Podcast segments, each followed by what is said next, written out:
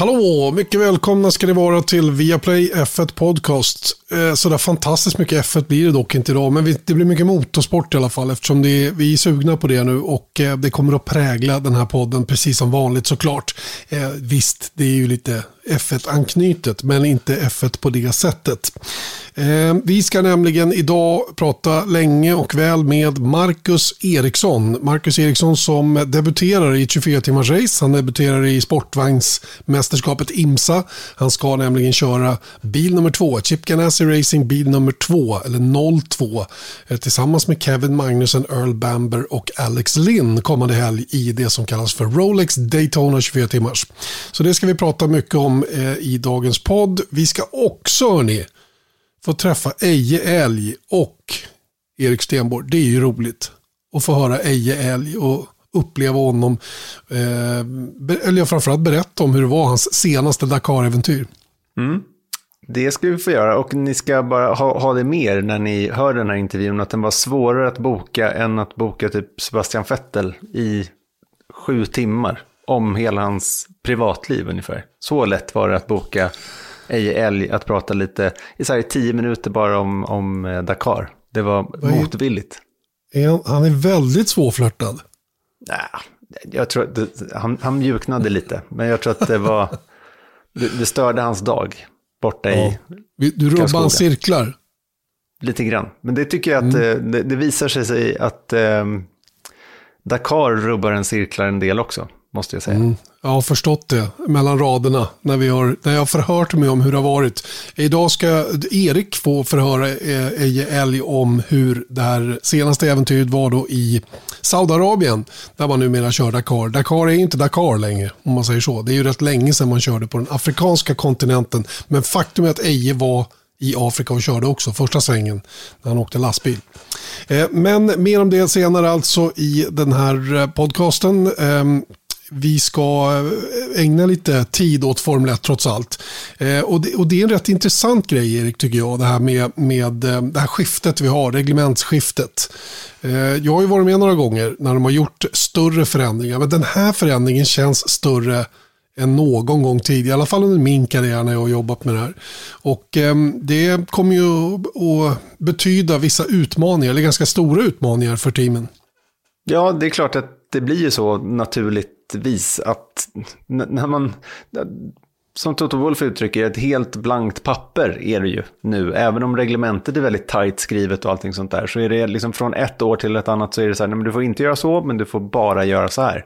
Och det är klart att det blir en jättestor grej. Jag tror att under min tid som började 2009, det var ju precis ett, ett eh, skifte mellan 2008 där det var de här jättekomplexa vingflärparna överallt på bilen och sen så 2009 så blev det dramatiskt liksom förenklat. Och sen så var det ju ytterligare en stor då mellan 2013 och 2014. Den var ju väldigt mycket, hade att göra med motor, eller drivlinan egentligen i en Formel 1-bil. Och sen så ytterligare då mellan 2016 och 2017 när de skulle bli mer, ja de skulle få mer aero helt enkelt för att öka eller minska varvtider egentligen, det skulle gå fortare. Så det, under min tid så har det varit de där tre. Men om man ser på det som komma skall nu 2022 så är det ju som du säger den absolut största skulle jag säga. Mm. Själv drar jag till minnes eh, förändringen som gjordes mellan, eh, mellan eh, nu ska vi se så jag kommer ihåg rätt år här, måste ha varit mellan 97 och 98. 1997 var ju sista året man körde med slicks. Det var ju en stor förändring när man gick över till de här eh, skårade däcken då. Eh, där man till att börja med hade tre skårar i framdäcken och fyra i bakdäcken. Det blev sedermera fyra både fram och bak. Eh, men, men den kanske allra största förändringen som gjordes då, som jag vet fick massiv kritik då, det var ju att bilarna blev smalare. De gick från 2 meter till 1,80. Och det här mm. var, eh, jag minns Jacques Villeneuve som alltid har varit outspoken och väldigt så här, tydlig med vad han tycker. Han menar på att vad är det de håller på med? Bilarna är ju numera Formel 3-bilar, så här kan vi inte ha det. Vi kan inte ha de här små, smala, fåniga bilarna. Eh, och eh, det var, det, det tog tid att vänja sig vid den förändringen för mig eh, som precis hade börjat jobba med det här men ändå följt Formel 1 i alla fall i 7-8 år när det här inträffade. Eh, mm. Men det var en spännande men, tid, absolut.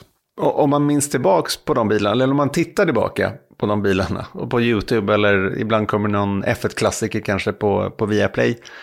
Och det ser ju fel ut, alltså nu, om man tittar tillbaka på dem. För nu är de ju breda, alltså. Men då nu, var det liksom... Nu är de lika breda som då, som Precis. de var 97. Mm. Ja, och det är liksom, men, men det ser, du vet när en bild blir utdragen, när det går från 4.3 till 16.9. Det är lite tv mumbo jumbo, men det ser liksom ut som att nej, men nu har det hänt någonting med bilden. Men det är ju bilarna som ser så otroligt breda ut och de var ju väldigt så här, nätta och smala och tunna bilarna på den tiden. Så det var ju en jättestor skillnad även då. Men jag tänker på alla sådana här förändringar. Kolla på Halo till exempel. Om man tänker på hur snabbt man vänjer sig. Halo var ju en stor grej såklart, men även eh, du vet de här efter 94 när eh, Senna kom så kom ju de här upphöjningarna Headrest. ja, precis, vid sidan av huvudet. Det var också så här, det ser inte klokt ut alltså. Men nu när man ser 94-bilarna så ser det ju fullkomligt, vilket det var, livsfarligt ut också. Så jag menar bara att man vänjer sig också. Så att, men eh, nu är det en hel bil som ska byggas. Visst, men jag, men jag kan med stor trygghet, jag kan tryggt säga till alla att hetsa inte upp er över de här nya bilarna. Bli inte upprörda och, och sådana grejer, utan sitt ner i båten, titta på dem, fundera lite och så låt den komma så sakteliga till er. Det är rådet, för då, då blir övergången mjuk och fin. Då, är ingen, då kommer ni inte bli sådär chockerade, för jag tror att vi kommer att bli ganska så starkt berörda över hur de här nya bilarna kommer att se ut. Jag, vill, jag hoppas det faktiskt. Ja. Jag vill bara lägga till det. Att, att det är så att det inte, jag tror jag nämnde det för någon vecka sedan eller två. När man ser de här mockupsen som alla håller på med nu. Att då tar de den här eh, prototypmodellen som kommer från Formel 1 och så klistrar de på Red Bull-klistermärken och sen så är det Mercedes-klistermärken och Alfa Tauri-klistermärken och allt vad det är.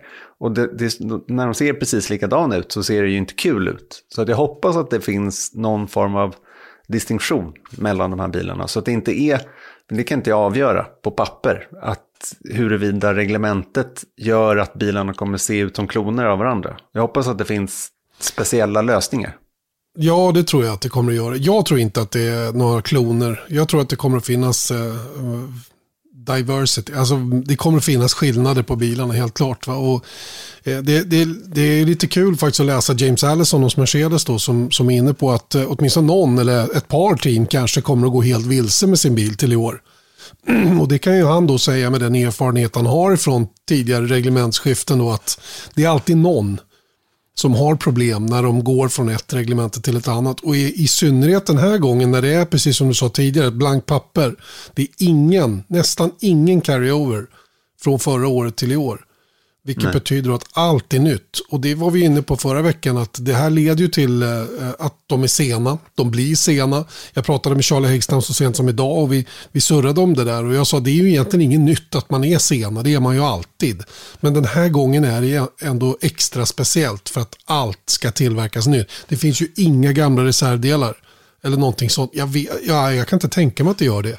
Inte ens Nej. gamla hjulupphängningar eller någonting som går att använda från tidigare bil på den här nya. Så det är verkligen det är flat på out. nivå, då kanske det finns mm. någonting. Men annars så, och det ska man ju tänka på när man tillverkar en bil.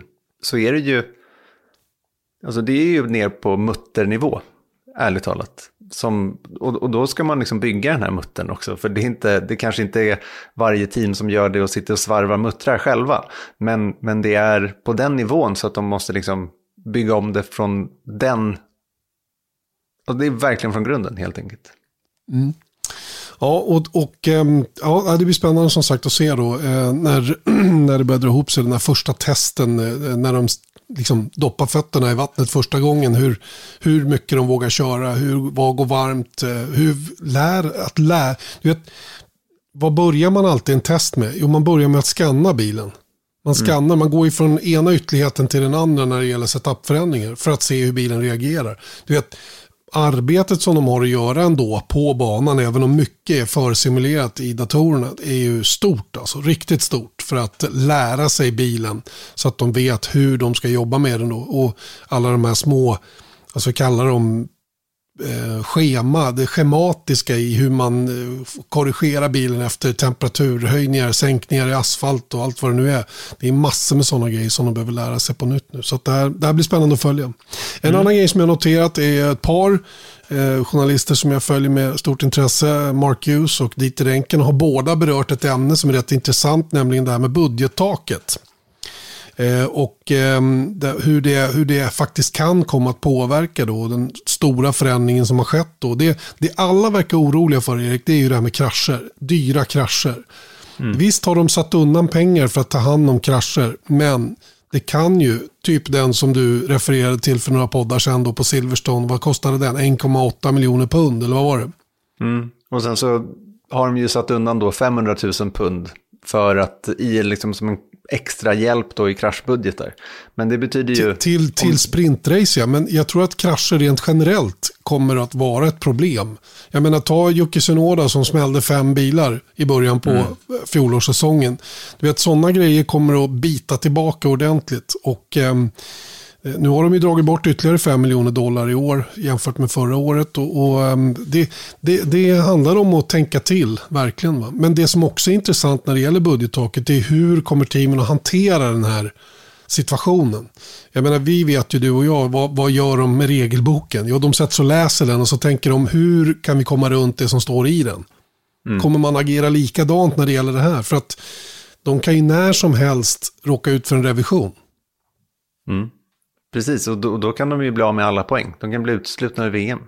Om det Visst, vill sig och, illa. Och det är en annan intressant poäng. För Fia har nämligen inte, de har inte sagt vad påföljden kommer att bli. Och jag tycker på någonstans att det ska vara nolltolerans mot att bryta mot det här. För att om det är så att det står att ja, men, eh, använder ni, eller säg att ni blir tvungna att eh, bygga mer kolfiberdelar och ni går över budgeten lite grann så blir det ett bötesbelopp. Säger vi. Mm. Mm. Då kommer de genast att exploatera det. Om de vet i förväg att det är på det viset. Det är bättre att de är, framförallt inte vet. Men att det kanske är nolltolerans mot att gå över. Mm. Oavsett hur lite eller varför man gör det.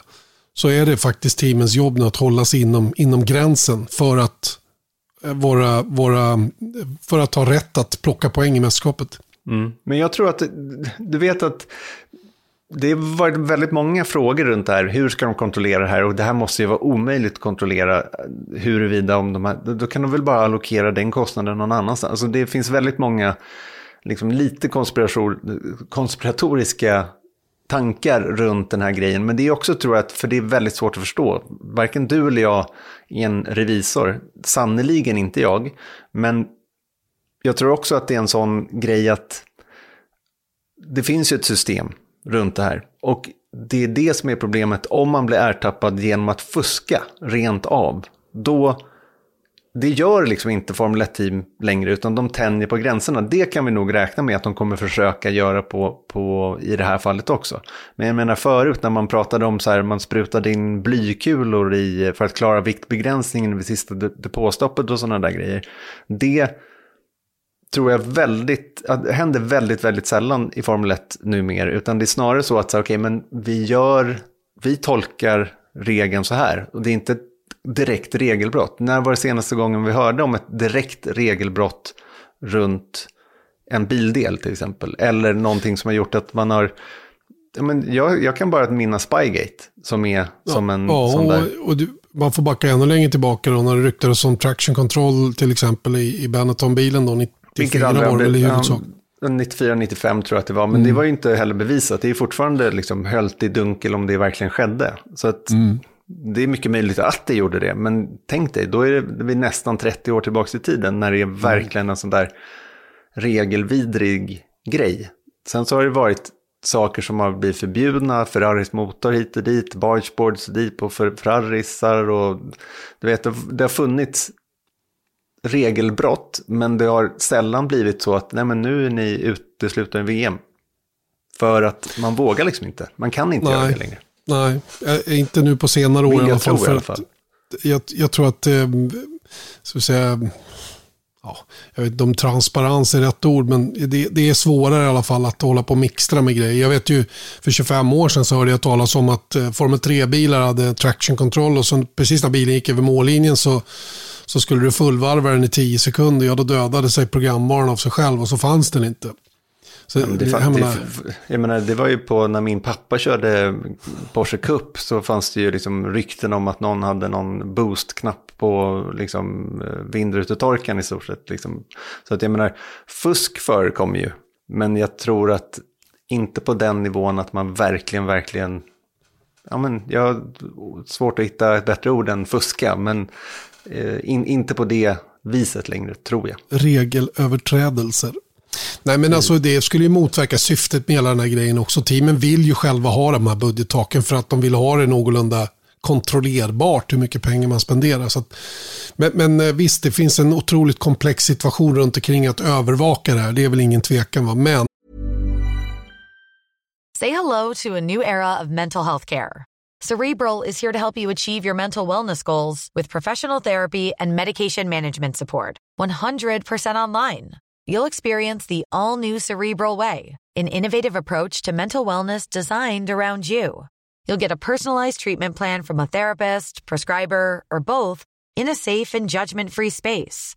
Your cerebral therapist or prescriber will outline a customized plan with clear milestones along the way so you can get to feeling your best. With Cerebral, you're not alone in your mental health journey. We're here to empower you to live a fulfilling life. So take that first step towards a brighter future and sign up today at cerebral.com slash podcast and use code ACasts to get 15% off your first month. Offer only valid on monthly plans. Other exclusions may apply. Offer ends July 31st, 2024. See site for details. De ska när som helst vara redo på en revision, så är det. Och mm. de har alla skrivit under ett avtal, vilket gör att de blir ju, om man inte efterlever reglerna vid en revision, ja, då, får, då, då kommer man att drabbas hårt tror jag. Va? Så att, och allt det där måste man ju väga in då som, som team så att säga. Och inte, slarv, kan de, kan de hitta en rimlig förklaring att man har missat någonting eller räknat galet, vilket jag har svårt att tro att ett F1-team också gör. Va? Men, men det, det, du kan säkert hitta någon anledning så, men de ska passa sig väldigt, väldigt noga för det här. Mm. Eh, hur som helst, så vi, vi vet ju inte ännu, va? så det är ingen idé att, att spekulera vidare i just den biten. Jag skulle vilja lägga till en grej apropå det där när vi pratade om ett stort reglementesförändring från ett år till ett annat. Att roade mig lite mer att titta mellan det som jag anser kanske i närtid i alla fall varit det mest representativa reglementesförändringen från ett år till ett annat. Att ja, det var ett mellan 16 och 17. Det var däremot ett strikt aerodynamiskt koncept som ändrades, eh, vilket i och för sig är nu också, men, men eh, inte på samma nivå, skulle jag väl hävda. Sen så var det mellan 13 och 14 som vi sa. Det var väldigt mycket, hade väldigt mycket att göra med, med eh, motorn och drivlinan, vilket kanske inte är representativt. Men om man tittar på 2008 och vad som hände mellan 2008 till 2009 så är det faktiskt ganska spännande att konstatera då att eh, i konstruktörs-VM så vann Ferrari eh, 2008 och till 2009 hade de trillat ner till fjärde plats. Eh, och tittar man igen på 2008 och tittar på Red Bull som slutade då sjua i VM och kom eh, 2009 tvåa. Så att de, och de var liksom mindre än 20 poäng bakom Braun då. Vilket kanske är det mest talande exemplet i, i det här fallet då. För det var ju Honda-stallet 2008 och sen så tog ju Ross Braun över det till 2009 och då vann de VM. Eh, vilket också är en sån där, hade säsongen varit två race till istället för de 17 deltävlingarna eller vad det var som, som genomfördes. Då är det ju frågetecken runt om Braun hade orkat med det där, att hänga med i eh, utvecklingstempot som skedde under 2009 och kanske blivit slagna av Red Bull då. Så det är en annan grej, aspekt som man kan ta med sig in i 2022, att det som sker i Bahrain är inte alls nödvändigtvis i alla fall att det är rätt ordning som sen går i mål i Abu Dhabi. Nu ska vi fråga Eriks tarmpaket lite. Vem, vem blir då? Vem, vem gör den största? Vem, vem tar det största klivet? Ja, alltså vi har varit inne på snuddat vid det här tidigare, men det är ju eh, Ferrari om man tänker sig att det är ett stort kliv att komma från, från tredje plats till första plats. Jag tror att det är fullkomligt möjligt till eh, 2022. Eh, jag, jag Ja, nästan lite mer på något sätt så tror jag att alpin kommer ta ett, ett snekliv på något vis.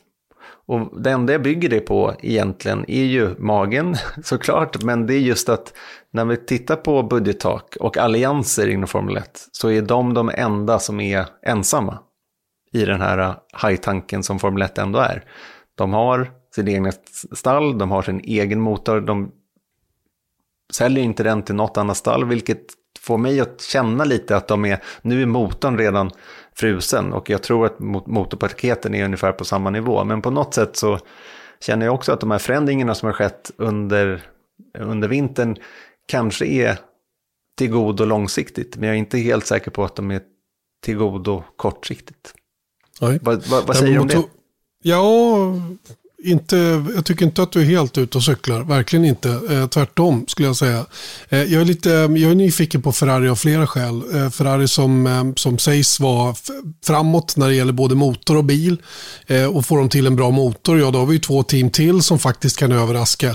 Som skulle behöva överraska dessutom både Alfa Romeo och Haas. Eh, låt oss se vad som kommer att hända där. Sen en sak när det gäller motorerna där med tillförandet av ytterligare etanol har ju då vållat eh, vissa motortillverkare lite problem. Ryktesvägen är det så att eh, Mercedes då har lyckats bäst. Eh, Honda kämpar med att hitta tillbaka, sägs det, uppemot 80 hästkrafter som har försvunnit med det här nya bränslet som man måste köra. Eh, oklart hur Ferrari och Renault ligger till eller, eller Alpin då, eh, men Mercedes sägs eh, ligga bäst till i det avseendet.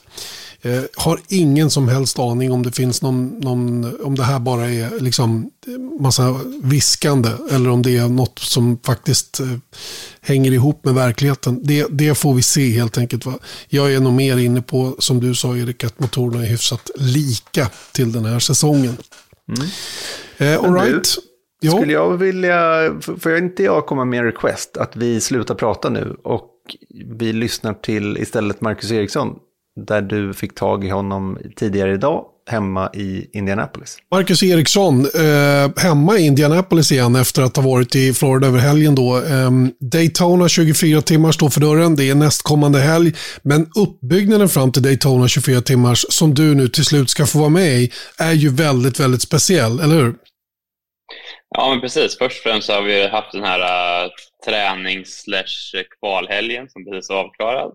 Eh, och sen eh, är det ju ytterligare träningar och eh, diverse saker här på ehm, torsdag, fredag och sen drar det sig igång då lördag lunch lokal tid. Då. Så det är ja, lite, lite Indy 500-vibbar med, med hela uppbyggnaden till racet.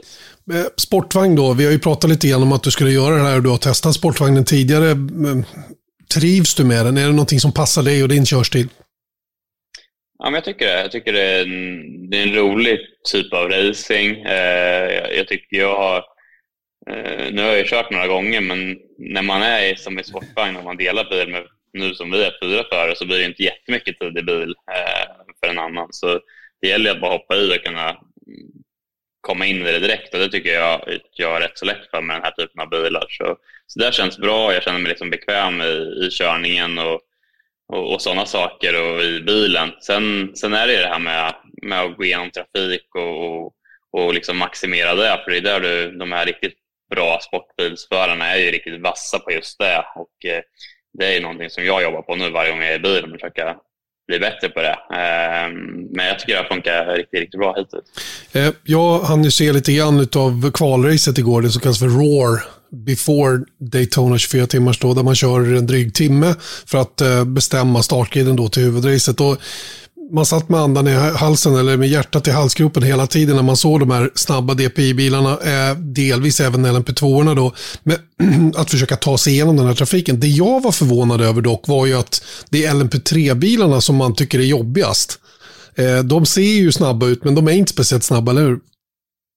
Nej, exakt. De, de går inte jättesnabbt, eh, LMP3-bilarna. Eh, så de kan ju mm, ibland bli lite problem. Speciellt när man kommer upp på en LMP2 och en LMP3-bil bakifrån ser rätt så lika ut varandra. Men LMP3-bilen är betydligt långsammare. Så där kan man ibland tajma det lite fel. Framförallt på kvällen som, som jag har kört mycket, så när det är mörkt så är det väldigt svårt att se skillnaden. Så mm, nej, det är det som är lite pusslet när man är ute och kör där, att hela tiden försöka se eh, några steg framåt eh, och, och, planera körningen när man ska igenom all den här trafiken och olika klasser och de har olika fart. Och, sen är det också så att det är väldigt olika kvalitet på de förarna som är i de olika bilarna. Så, så därför blir det också, man, en del är väldigt oberäkneliga och, och då kan man hamna i tokiga situationer där också. Då. Så det, det är riktigt eh, eh, svårt och utmanande just den delen, men också extremt roligt tycker jag. För att det blir liksom inget varv är det, sam, är det andra likt, utan det är hela tiden nya, nya utmaningar man är ute och kör.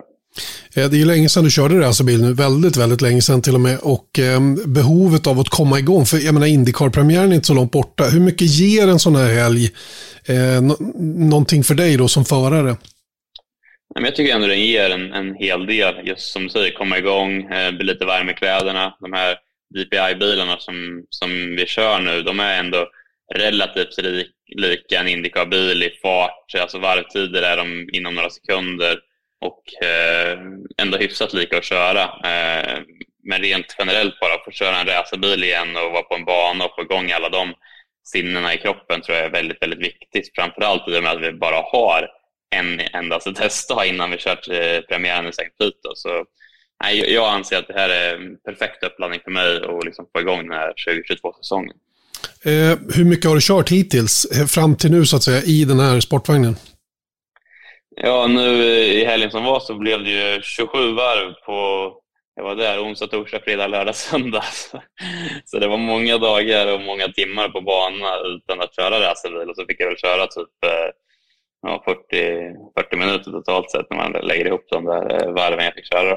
Um, så det är inte jättemycket, men får väl lite mer träning innan, innan själva racet drar igång. Men sen blir det ju desto mer på, på racets gång. Då. Det är ju fyra förare på 24 timmar, så du kommer ju köra någonstans 5-6 timmar var i alla fall. Uh, så det kommer bli en, en hel del varv sen uh, under racets gång.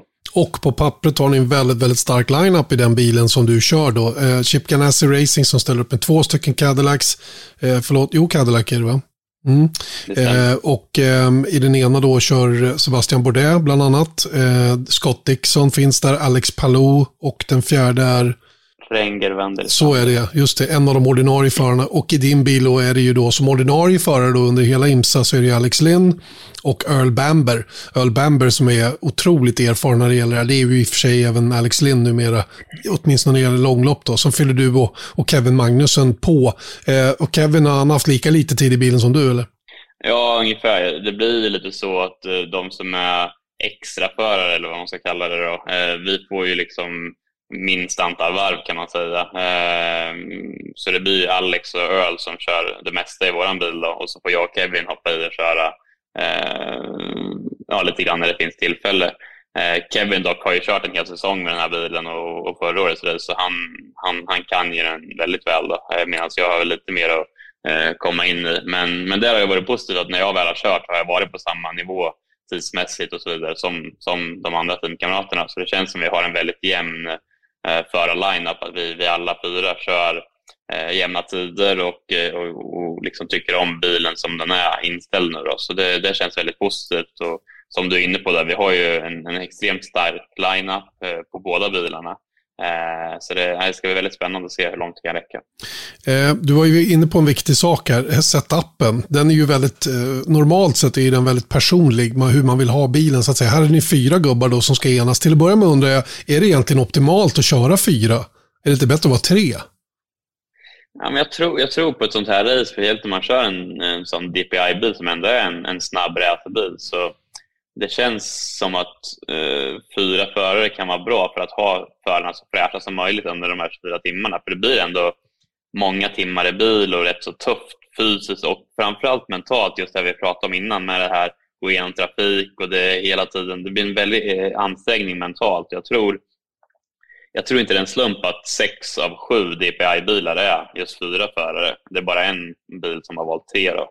Eh, jag tror att det är just för att försöka ha förarna så fräscha som möjligt när det väl är, dags att vara i bilen. Och framförallt tror jag om man hittar en line-up som ändå Ganassi har med fyra starka förare i varje bil, eh, då, då tror jag att det är en fördel att vara fyra. Eh, och då kommer vi till det här med setupen då. Vem bestämmer den? Ja, men där blir det lite så att de ordinarie förarna jobbar mer på, på setup-grejer. Och så blir det att när, när då extraförarna, jag och Kevin, så hoppar man mer i med den bilen de har tagit fram och så får man försöka anpassa sig till den. Då. Eh, och Det är väl det som har varit bra, att både jag och Kevin har gillat den bilen som Öl och Alex har, har jobbat fram under helgen. Då. Så, så det är väl lite så det blir när man är eh, ex, extra för att man får, man får gilla läget lite grann. Och, eh, ja, det, det, är så jag uppfattar det i alla fall. Och eh, nu är det mycket nubbfrågor här, för jag har ingen koll på det här riktigt. Men, men jag tänker sittställning, eh, stolen är på samma ställe för allihop. Ni är inte helt lika långa, ni fyra. Nej, precis. Eh, det är väl Öl och Alex är hyfsat eh, stora för att vara racerförare. Eh, jag är väl lite, lite mindre än dem, eh, men, men ändå hyfsat i samma storlek. Så jag, jag passar faktiskt i den stolen som de har gjort. Så jag kör i den, den stolen helt och hållet. Eh, och Kevin är lite mindre än oss andra tre, då, så han har en sån insert som man kan göra. Så han, varje gång han hoppar i ur får han sätta i den här i lägget i stolen. Då. Eh, men det funkar bra för han också. Då. Det är många som gör så som det är.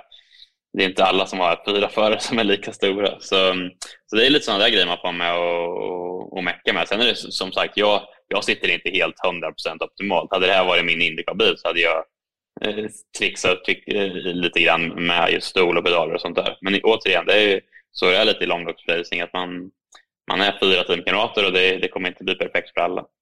Eh, och hur ser, det, hur ser det ut nu då framåt? Vad händer den här veckan då fram till dess att Daytona 24 timmar börjar?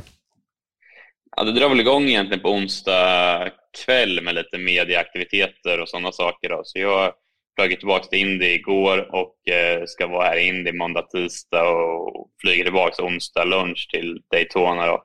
Eh, har lite grejer här i eh, Indianapolis, eh, lite Indycar-grejer faktiskt idag och imorgon som jag ska pyssla med. Eh, det är också som sagt inte jättelångt kvar tills dess. Då.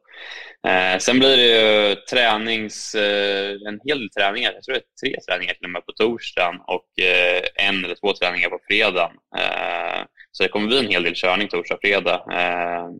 och sen då är det ju full uppladdning för racet som startar, eh, tror jag, klockan två lokal tid på, på lördag. Just det, och det startar eh, två, vad blir det, åtta, Ja, just det. 19.30 börjar vi nämligen sändningen på Viaplay. För alltihopa sänds nämligen i Viaplay. Eh, och på V-sport Motor, vilket jag tycker är kul. Det är jag och Kalle Rosenblad som har kört x antal Daytona 24 timmar som kommer, att, som kommer eh, på svenska då så att säga hålla alla eh, ajour med vad som händer i racet. Då. Eh, och det ska bli jättekul att komma igång också såklart. Och jag är jättenyfiken med på, på vad det här har för någonting i sig, det här racet. Då. Jag var ju med redan förra året och, och, och kommenterade när Kevin hoppade in och körde. Och eh, på pappret återigen så ser ju era två bilar ut att vara starka vinstkandidater. Nu blev det lite småstrul i kvalracet igår så ni startar inte alla längst fram, men har ni speeden för att vara med och slåss om det? Och hur viktigt är det här kvalracet egentligen? Hur går snacket? Ja, men först och främst är det ju fantastiskt kul att vi, vi har satt och vi har plöjt liksom sänder racet eh, så man kan följa det där hemma. Det är ju ett, ett häftigt race att, att kolla på och eh, eh, så det, är, det är jättekul. Eh, sen eh, som, du, som du var inne på där så, så hade vi lite problem igår. Båda bilarna åkte dit för eh, vad heter det, fortkörning i depån. Så det var väl någonting där med inställningarna som inte var helt hundra. Eh, så det är väl därför det är bra att vi har kvalrace så vi kan få de där grejerna ur världen. Eh, men sen i, i det stora hela, jag menar ett kvalrace till ett 24 timmars race när det bara är sju bilar i, i klassen, det, det betyder ju inte jättemycket egentligen, utan det är mer en ett träningsrace för att komma in i depåstoppen för alla meckar, för eh, Eh, de sitter på pitwallen och kommer in i hur alla system funkar. Alltså det, det, det är mer en förberedelse för det stora racet. Och om vi startar ett eller femma eller sjua i, i, i racet, det kommer inte göra så stor skillnad. Så, så vi är rätt så lugna så sett. Eh, kollar man på, på hur vi är konkurrenskraftigt, eh, konkurrensmässigt så ser det väldigt bra ut. Eh, jag tror vi hade, jag vet inte om vi fick snabbaste tid, eller vi var i alla fall en av de snabbaste tiderna i, i racet. Och, efter den här bestraffningen tog vi in rätt så mycket tid på de bilarna framför, då, både vi och 01-bilen. Då, så det känns absolut som vi har ett paket som kan vara med och slåss om segern eh, med, med båda bilarna. Vilka blir eh, främsta utmanare då mot er? Eller vem är det ni främst ska slå om jag uttrycker mig så? Då? jag tror att det är nummer 10-bilen, eh, Wayne Taylor Racing-bilen. Den har väl vunnit sista tre åren, tror jag. Eh, 24 timmars på Daytona, eller något sånt. Eh, om jag inte är helt ute och cyklar. Eh, och den vann ju även kvalracet. Så, så den, den bilen är väl lite favoriter. Eh, och det är ju en Acura. Det är ju fem stycken Cadillac och en Acura, eller två Acura i huvudklassen. Och är väl sett att de Acura-bilarna... De var snabba igår i alla fall. Ja, men de är snabba och framförallt är de rätt så snabba rakt fram. Och det gör ju att ligger du och fightas med en sån bil som är lite snabbare rakt fram. Vi verkar vara lite snabbare i infield och akuran är lite snabbare rakt fram. Och det gör ju att det blir lite svårt att köra om en sån bil och framförallt försvara också. Då. Så det är väl det som vi ser lite som ett eh, lite bekymmer när vi, när vi analyserar hur, eh, hur det har gått i helgen. Vi såg ju Richard Westbrook prova där på slutet. Det slutade med att han själv snurrade och han kör en av Cadillacen då. Och eh, Acura-bilarna är ju då som sagt nummer 60 som då är Mayshank och sen är det då Taylor Racing då, eh, Wayne Taylor Racing då där Alex Rossi kör va? Precis, det är ju mm. Rossi en av förarna där och sen är ju Tom Blomqvist i eh, Meyer där också. Då. Så, Just det. Så det är, många bra förare. Vi, vi, vi, har sagt att ni är tre svenskar, men egentligen är ni fem. Fast de två på slutet där är ju mer tveksamma som svenskar betraktat då. Tom Blomqvist och Nick Jönsson då. Niklas Jönsson, Nick, Nick Johnson eller vad nu kan Men om det går bra för dem, då räknar vi in Då är de svenska, det måste de ju vara, eller hur? Eh, Rasmus Lind kommer för övrigt att starta från pole position i LMP3-klassen. Han kör ju med, tillsammans med Jared Andretti bland annat och eh, det är kul. Eh, har inte riktigt koll på hur det gick för, eh, för Linus igår i eh, GT3-Mercan då. Eh, så att eh, vi får väl eh, återkomma till det. Hur som helst så är ni några svenskar i alla fall, så det är roligt att hålla koll på racet av den anledningen också. Ehm, jo, vi pratade ju innan om det här med, med, med fart och så vidare. Du säger att akuran är snabb rakt fram, det gör det svårt att attackera på dem. Men den här trafiken som, som är helt galen, du, det, egentligen är det ju andra saker som avgör när du kan köra om, eller hur?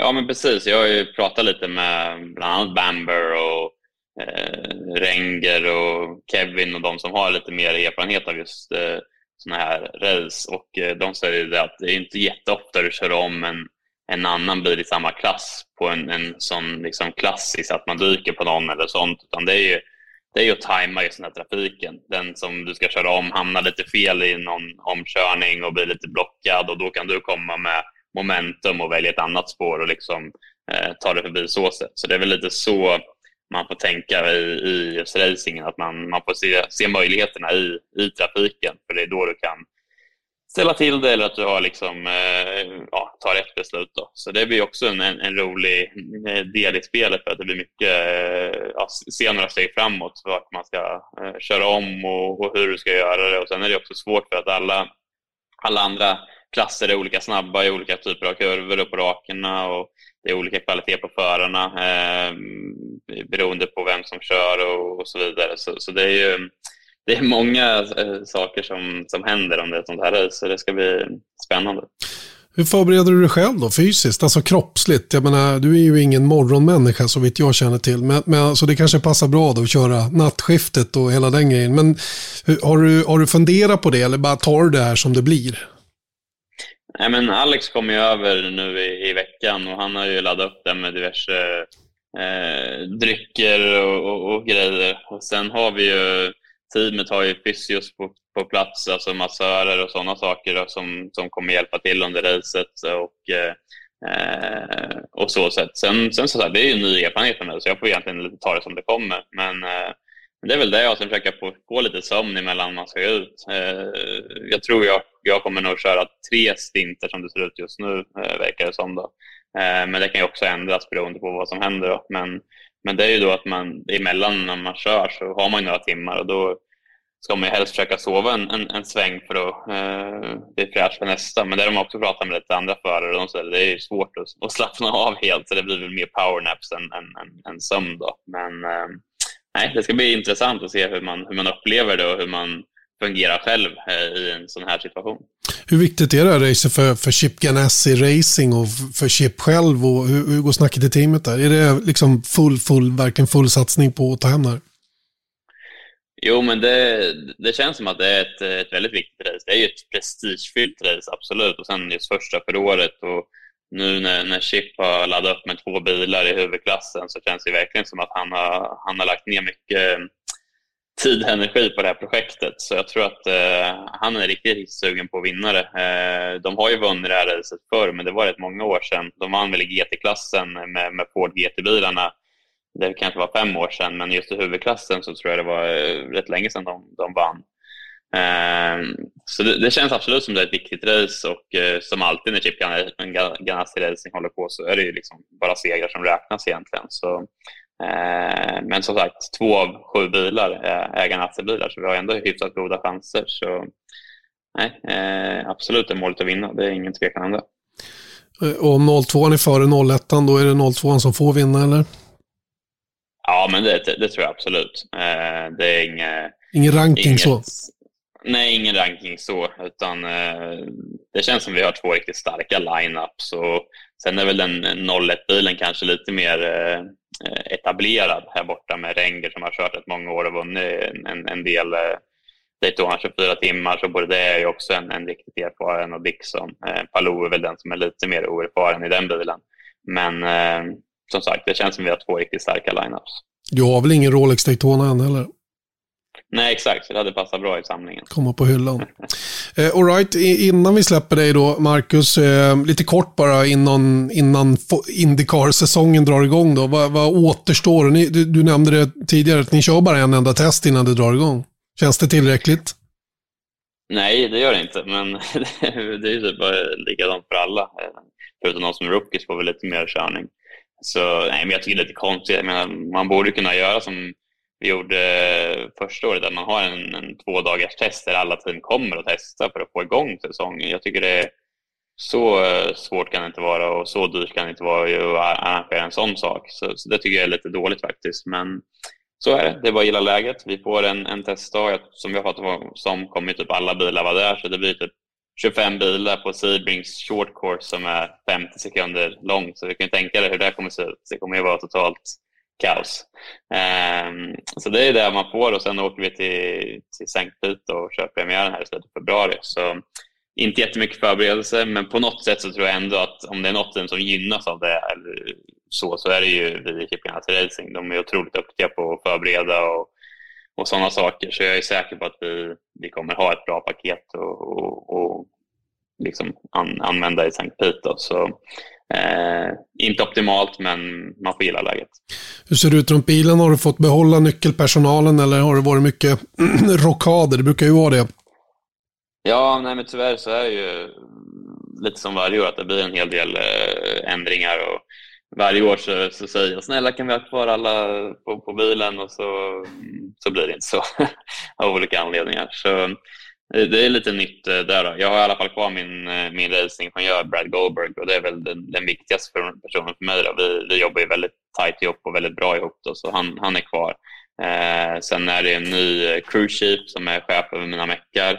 Eh, Jamie som var där förut har flyttat över till IMSA-programmet och sen är det två, tre meckar som har, har flyttats runt. Då. Så det är lite nytt folk. Men eh, de ligger på och jobbar. Jag är på dem och liksom stressar på att de ska träna till påstopp och sådana saker. Så jag hoppas och tror att vi kommer vara på en bra nivå från start. Det, eller hoppas och tror, jag förutsätter att vi ska vara på en bra nivå från start. För jag tänker utmana det framme direkt och då behöver man ha med eh, hela liksom, crewen på det. Mm, du plockar upp pinnen från förra året där um, du slutade på topp kan man väl säga, även om det var lite stökigt just i sista racet. Hur är tummen förresten? Ja, men tummen är bra. Den är lite, den är lite knölig, men, eh, men den fungerar bra i alla fall, så det är väl huvudsaken. Det är inte glapp? Ja, exakt. exakt. Nej, men den, eh, den är återställd, så det, det känns bra. Det låter bra. Vi ser fram emot Indycar-premiären också, men framförallt ser vi fram emot eh, Daytona 24 timmars kommande helg alltså. Via Play sänder hela loppet. Marcus Eriksson i bil nummer två. Sen har vi alltså då både Rasmus Lind och Linus Lundqvist också då. Rasmus Lind som kör eh, från Rätt Motorsport i LMP3-klassen och där eh, Linus väl kör då i GTD Pro heter den va? Nu är jag lite osäker på om det är den klassen, men han kör en GT-bil i vilket fall som helst. Jag lovar jag ska vara uppdaterad lagom till helgen runt omkring det här i vilket fall som helst. Och som sagt, Tom Blomqvist finns ju också då i den stora klassen då eh, för Meyer Shank Racing där för övrigt också Simon Pagenaud kommer att köra väl Helio Castroneves är han också med i den line-upen. Eh, så att det, är, det är också en stark bil, givetvis. Det är de allihopa i DPI-klassen. Lycka till Marcus, hoppas att det går hela vägen och att du får några riktigt bra både träningspass innan då och några riktigt goda stint även i själva racet. Tack så mycket. Ja, det var Marcus Eriksson som är taggad och laddad inför helgens begivenheter och eh, precis som vi pratade här på slutet också så eh, det är jäkla kort tid alltså för dem att förbereda sig inför Indycar och han tycker att det är för lite tid. Alltså en test. En test. Alla bilarna på en 50 sekunders bana nere i södra Florida. Det är allt de får. Vilket jag tycker är erbarmligt dåligt om jag ska vara ärlig. Det håller jag faktiskt med Marcus om att det där måste de fixa till på Indycar-sidan. Så att de får köra. Vi har en sån kick-off som vi gjorde för några år sedan i, nere i Texas. Det behöver inte vara i Texas, det kan ju vara någon annanstans. Jag antar att man måste vara en bit söderut i USA mm. av väderskäl. Men, men eh, det finns andra ställen att köra på om de, om de behöver sträcka ut lite grann än, än att åka på Sebrings lilla slinga. Eh, det känner inte jag rätt. Jag förstår ju varför de gör det eftersom det är St. Pete som är det första racet. Va? Men eh, mer körning erfordras och jag hoppas de får det någon gång framöver. Kanske en, eh, en extra träningsdag, en full träningsdag i St. Pete. Varför inte? Det hade ju kunnat vara ett, ett bra, eh, en bra, att man får kanske två, två tre, eller tre två timmars pass mm. och dela på. Eller att köra eh, i, så att det inte blir körning precis hela dagen. Då, men, men för det gillar inte Indycar. Men, men eh, hur de än gör så skulle de behöva låta killarna få, få köra mer i vilket fall som helst. Men eh, det här med sportvagn blir ju spännande. Jag vet inte om du såg någonting av Roar, det här kvalracet som kördes igår. Eh, säger jag då idag, måndag kväll när vi spelar in det här. Eh, det var alltså söndag kväll då som man körde det här kvalracet då som bestämmer griden till, till racet. Och, eh, maken till kalabalik på banan med över 60 bilar och så stora fartskillnader. Mm.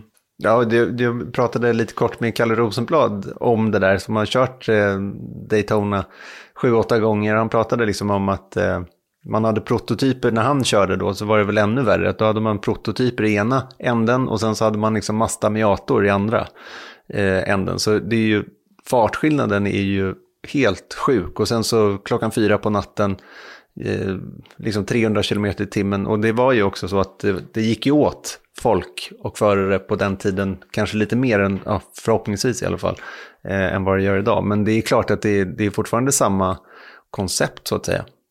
Mm. Kalle har kört många race på Daytona, kommer att sitta i högerstol hos mig när vi sänder från och med halv åtta på eh, lördag kväll så drar vi igång sändningen och så håller vi i med svensk kommentering någon gång mitt i natten fram till midnatt, strax efter midnatt. Och sen kommer vi tillbaka och tar de fyra, fem sista timmarna av racet till målgång.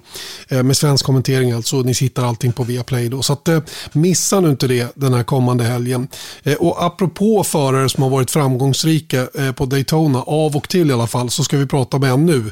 Nämligen Eje Elg. Och om jag pratade med Marcus Eriksson tidigare idag så fick Erik då audiens hos kungen själv, nämligen Eje Elg då, som är nyligen hemkommen ifrån Saudiarabien.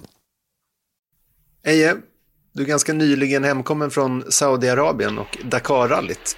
Hur mår du? Japp, jag mår ganska bra. Börjar komma in i vanliga rytmen. Det har varit lite segt några månader, men nu börjar det kännas bra. Mm. Så här mycket har jag kunnat luska ut om det här Dakar-äventyret för dig och din son Alex Elg. Eh, ni körde en Nissan Patrol i Classic-klassen som också kallas 97 High Average och ni hade startnummer 795 och ni slutade 46 av 126 startande. Stämmer bra. Eh, men jag känner inte till det du sa där, 97,5 average, vad, vad, var det för något? Det stod bara på hemsidan, 97 high average. Jag vet inte ah, vad, okay. vad det betyder. Ja. Okej. Okay. Nej, inte jag heller. Men hur, hur, hur, går det hela till då? Ja, det går till så att eh, till skillnad från stora Dakar-Dakar, om vi nu kallar det för det, så har man en eh, medelfart som man ska hålla på sträckorna. Så då hade vi, eh, vi hade typ ja, fyra sådana sträckor, varierar från en halvtimme till en timme per dag. Och sen emellan dem så hade vi också rena navigeringssträckor. Det kunde vara två eller tre per dag. Det kunde vara en också. Och sen så, eh, om, så fick man minuspoäng för om man var för snabb Mhm. eller om man var för långsam. Eller om man körde för långt. Eller om man... Eh, ja, du, det var, åtminstone i vårat fall, så var det minuspoäng för allt. Men jag vet inte vad. Både för Men det fort och för långsamt. Det stora, stora problemet var väl egentligen att eh, jag trodde ju inte att, eh, att jag skulle ha något problem med att vara tillräckligt snabb. Mm. Eh, men det handlade kanske lite mer om att eh, kunna göra en bedömning av, av hur mycket förlorar man i förhållande till den tänkta medelhastigheten på översträckan när man hamnade i, i trubbel och hur mycket var man tvungen att köra ikapp och hur fort var man tvungen Mm. att köra och så vidare. Och eh, jag kan bara ge er ett, ett exempel då att eh, första dagen så tyckte jag att vi lyckades jättebra. Alltså, eh, det, var, det var typ eh, high five när vi passerade mållinjen. För jag, ja, vi låg typ en, en halv minut ifrån idealtiden. Mm. Eh, det visade sig att när resultatet kom ut så var vi på plats 124. Ja. Så, så det var... Näst, näst sist. Ja, Eh, och då, då började vi fatta att det här, det här är inte riktigt eh, eh, vad vi hade tänkt oss. Eller hur kunde det bli på det här sättet? Då? Så då, då monterade vi in en tidtagarur för att man har ju då checkpunkter under de här sträckorna. Så vi, vi, vi, och där hade vi tiderna som vi skulle vara, var vi skulle vara vid en viss tid och så vidare. Så det hjälpte ju till, men det blev ju lite extra jobb då att fylla i de där roadbooken som vi hade. Eh, och sen eh, gick det väl se sådär och, och eh, sen en dag helt plötsligt så var vi position 15. Mhm. Och då var det verkligen high five. För då tänkte vi, ja, äntligen har vi kommit på hur man, hur man gör det där. Så då tyckte vi, det gör vi likadant imorgon. Dagen därpå var vi 91 Okej. så Och Det gjorde exakt lite- samma sak. Så att det, det, var, det var knivigt. Alltså det visade sig ju då att det här kallas ju för det här formatet kallas för regularity. Man kör alltså inte på tid utan man kör mot en tid. Mm, som man ska vara så nära, nära som möjligt. Och det visade sig att det var ju rena proffs med som pysslar med sånt här Mm. på, på, på heltid, eller som hobby, inte vet jag. Eh, och det, var, det handlade alltså om sekundstrid. Mm. Det var de topp 10 kunde vara inom två och en halv sekund. Så helt plötsligt var det tiondelar det handlade om. och sen, eh, sen, eh, och de hade ju helt andra hjälpmedel än vad vi hade också. De hade en monitor som visade exakt då, med lampor, rött, grönt och, och gult, eh, hur de låg till och så vidare. Så sen var det då bestraffningar in, in, under en sån här sträcka som var indelad då i kanske 20 olika eh, etapper så att säga. Så var det, jag menar, var man 13 sekunder, säg, för långsam eller för snabb på en del där.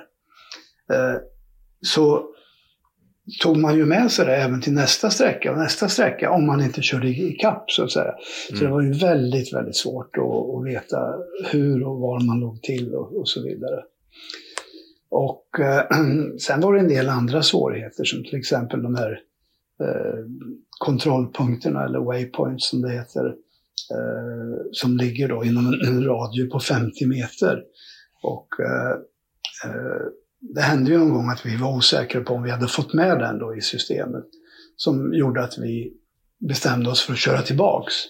Mm. För att försäkra oss om att vi fick den, den med. För att det var ju bestraffning om man missade.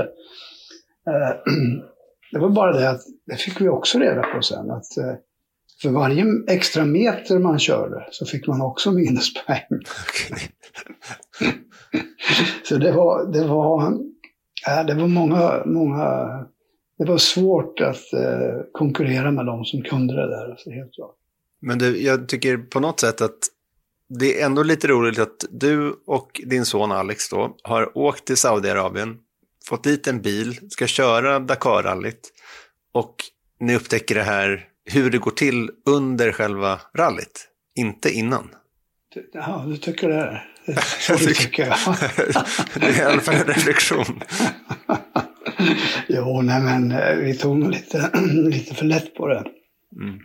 Och äh, eftersom jag har kört äh, två stycken tidigare äh, Dakarrallyn så var jag medveten om vilka strapatser det innebär och, och, vilka problem man hade. Och det var ju, jag vet inte, man skulle kunna göra listan hur lång som helst. Alltså. Men, men om jag tar några, så det är ju brist på sömn, mm. eh, utmattning, eh, hunger, eh, kyla och konstant livrädd.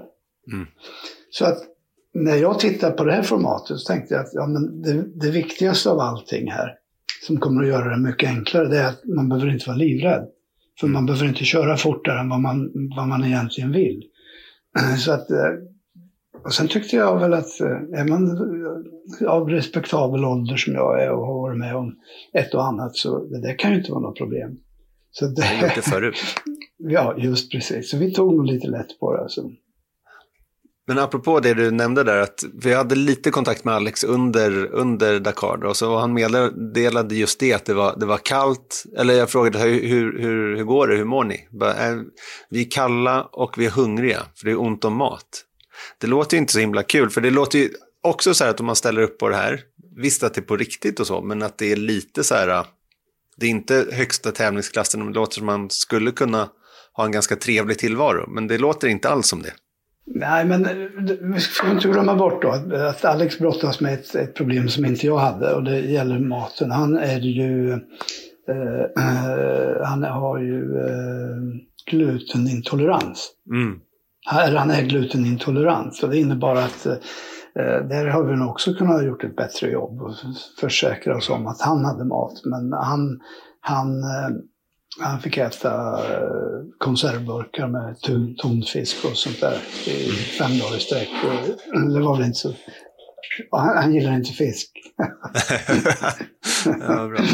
Så att, eh, ja, det, det, var lite extra jobbigt för hans del. Alltså. Men äh, ja, ja, vi skulle kunna förberett oss mycket, mycket bättre, självklart. Alltså. Men äh, trots det så, så kom vi ju hem med fullgjort uppdrag, det vill säga att vi kom i mål och bilen var hel. Vi hade inte en punktering, bara en sån sak, mm. på två veckor. Och, eh, eh, för terrängen var ju väldigt, väldigt obarmhärtig vissa gånger. Så det var jag lite imponerad av. Sen, sen är jag nog benägen att gladeligen erkänna att utan Alex så hade det inte varit lika, lika eh, lättvindigt. Alltså han är ung och stark och, eh, och eh, framförallt så rent mentalt så klarade han det på ett sätt och hanterade det på ett sätt som gjorde det enklare. Och, ja, jag har ju känt honom i hela hans liv och eh, fick se nya sidor av honom. Till exempel eh, hans förmåga att lösa problem i kritiska situationer. Där där jag kanske hade flippat ur och blivit stressad så gjorde han det systematiskt och, och redde ut det på ett mycket enklare sätt. Mm. Väldigt eh, cool far och son-grej såklart. Men hur, hur, kommer det sig att du, du nämnde ju det, att du har kört det där två gånger. Senast du körde Dakar var du själv övertygad om att du skulle dö. Du var nära på att dö. Hur kom det sig att du ställde upp igen? Nej, men det var just det. Alltså jag, jag, fick ju, jag fick ju frågan om jag kunde tänka mig att, att delta och, eh, eh, från det här teamet. Och jag svarade instinktivt eh, nej. Jag påpekade att jag har sagt förut att jag inte ska göra det. Och sen kom då eh, nästa lilla grej att ja, men om du får göra det ihop med din son Alex, förändrar det situationen? Och då sa jag att ja, Kanske. Jag ska fråga min fru. Och eh, på den vägen var det. Hon tyckte väl att hon ville bli av med oss ett tag. Så det, mm. eh, ja, då blev det av. Det är bra. Men det är lite lustigt med dig, för att du uttrycker ju gång på gång, så länge jag har känt dig, att nästan avsky för alla former av ditt deltagande i biltävlingar. Men sen sitter du plötsligt, typ någon gång om året i alla fall, i en bil i alla fall. Och du, nästan som att du inte vill det. Ja, men alltså jag vill, jag vill inte utsätta mig själv för, för eh,